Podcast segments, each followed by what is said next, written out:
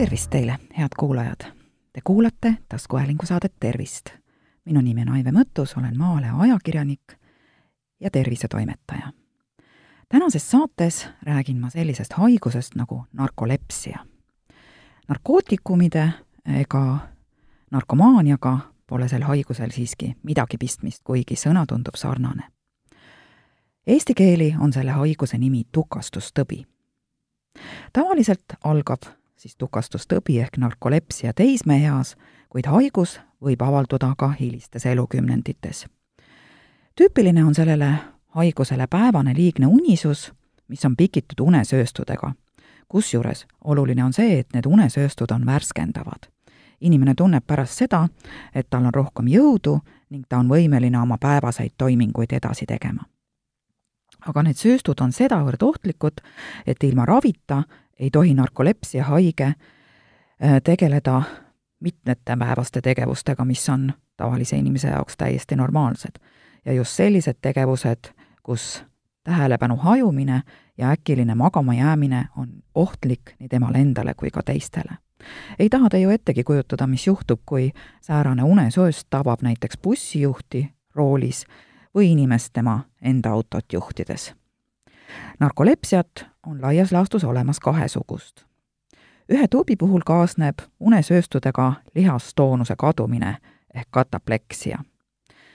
ja selline täielik äravajumine võib haarata kogu keha, kusjuures inimese teadvus püsib sel ajal selge.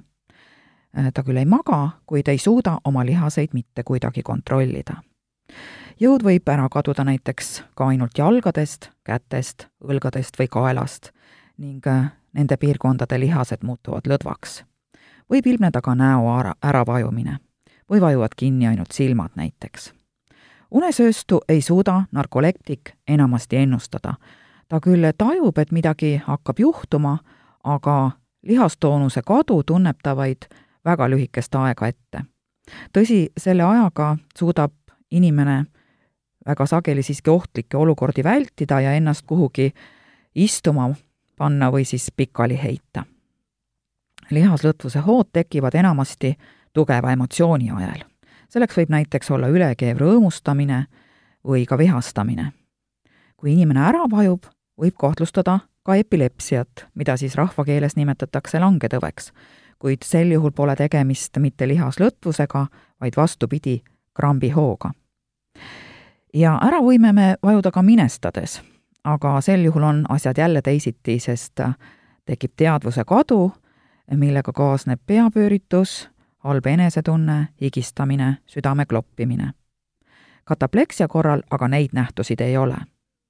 küll aga võib mõni inimene siiski tunda katapleksia hooajal, et tal on natuke halb hingata sageli kardavad narkoleptikud magama minna, sest äh, kui nad pikali viskavad, võib just siis, kui nad peaaegu uinumas on, tekkida unehalvatus ehk uneparalüüs.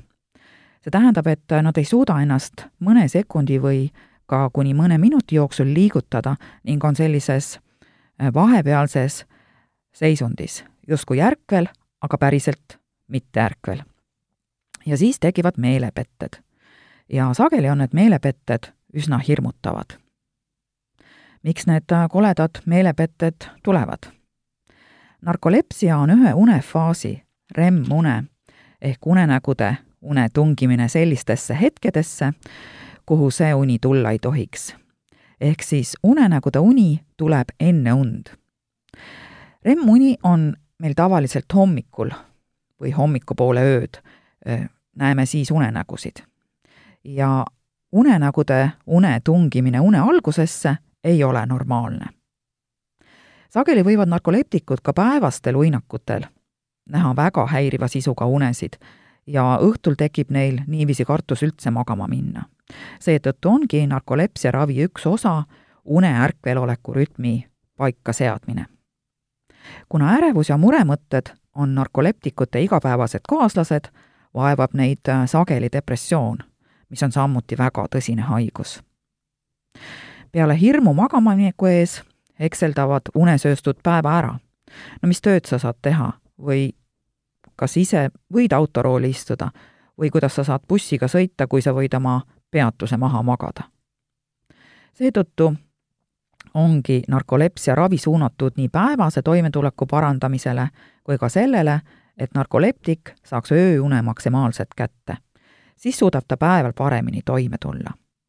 Selleks tuleb paika panna ka päevased uinakute ajad, näiteks tööl või õpilastel koolis, kus on võimalik magada.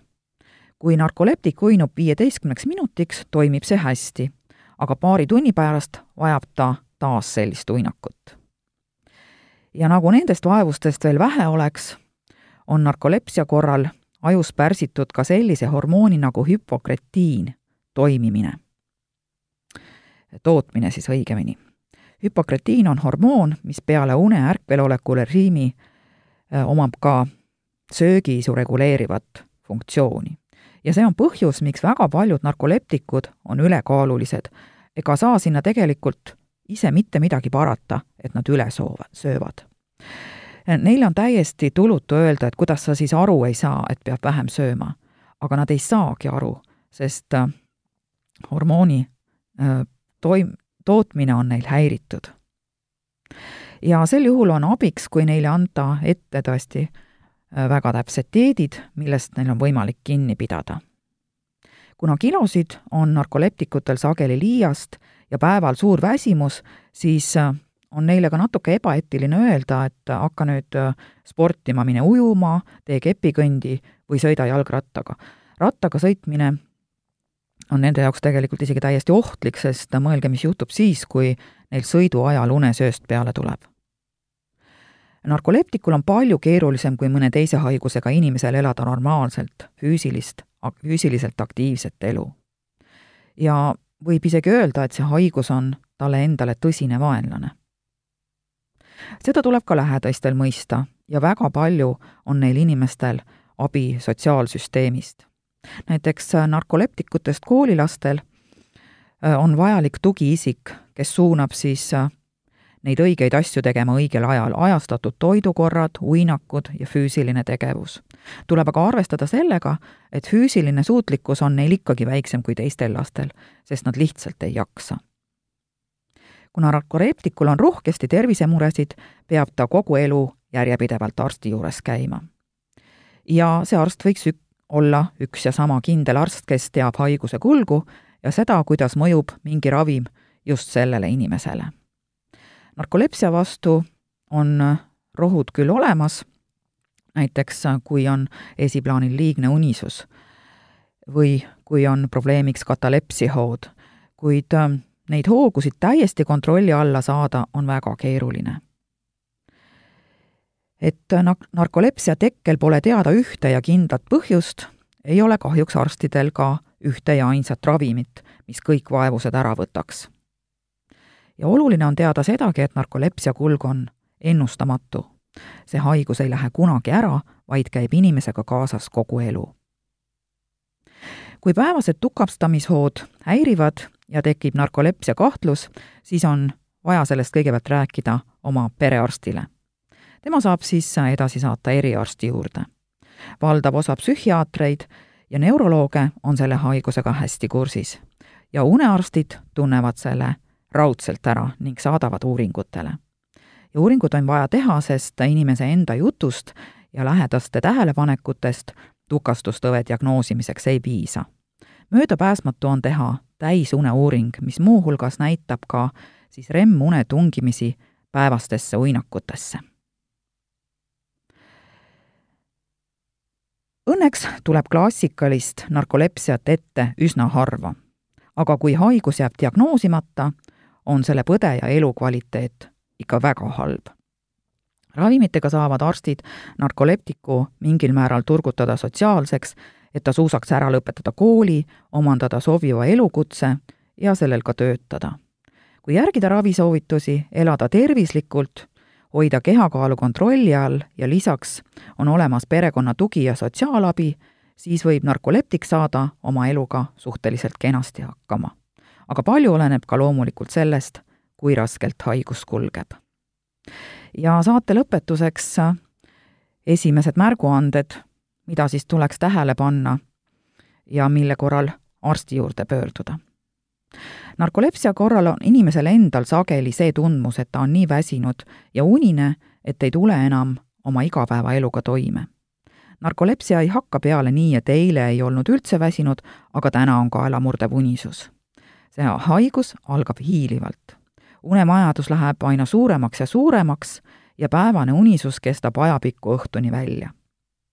narkolepsia korral tekib vajadus teha päeval uinakuid, mis tulevad äkki sund magama jääda võib tulla ükskõik millal ja kus, kas söögilauas või raamatut lugedes või vesteldes, aga nagu ma juba mainisin, ka autoroolis või jalgrattaga sõites. Need on täiesti tahtmatud uinumised, mida inimene ise ära hoida ei saa. kusjuures oluline on see, et pärast seda väikest uinakut on inimesel enesetunne parem, ta tunneb ennast puhanuna kui võrrelda muude haigustega, näiteks insuldi või infarktijärgsete seisunditega, mis samuti põhjustavad liigset päevast unisust, siis nende korral ei ole uinak värskendav. pärast tukkumist ollakse unised edasi.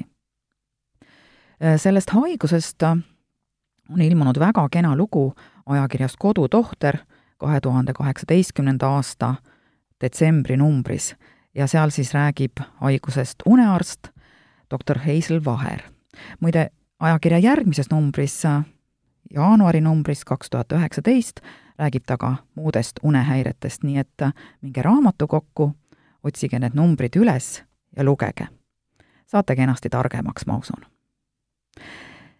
head kuulajad, te kuulasite taskuhäälingu saadet Tervist. saate leiate Delfi podcastide pesast tasku, nutirakenduste Spotify, Apple Podcasts, SoundCloud ja teised.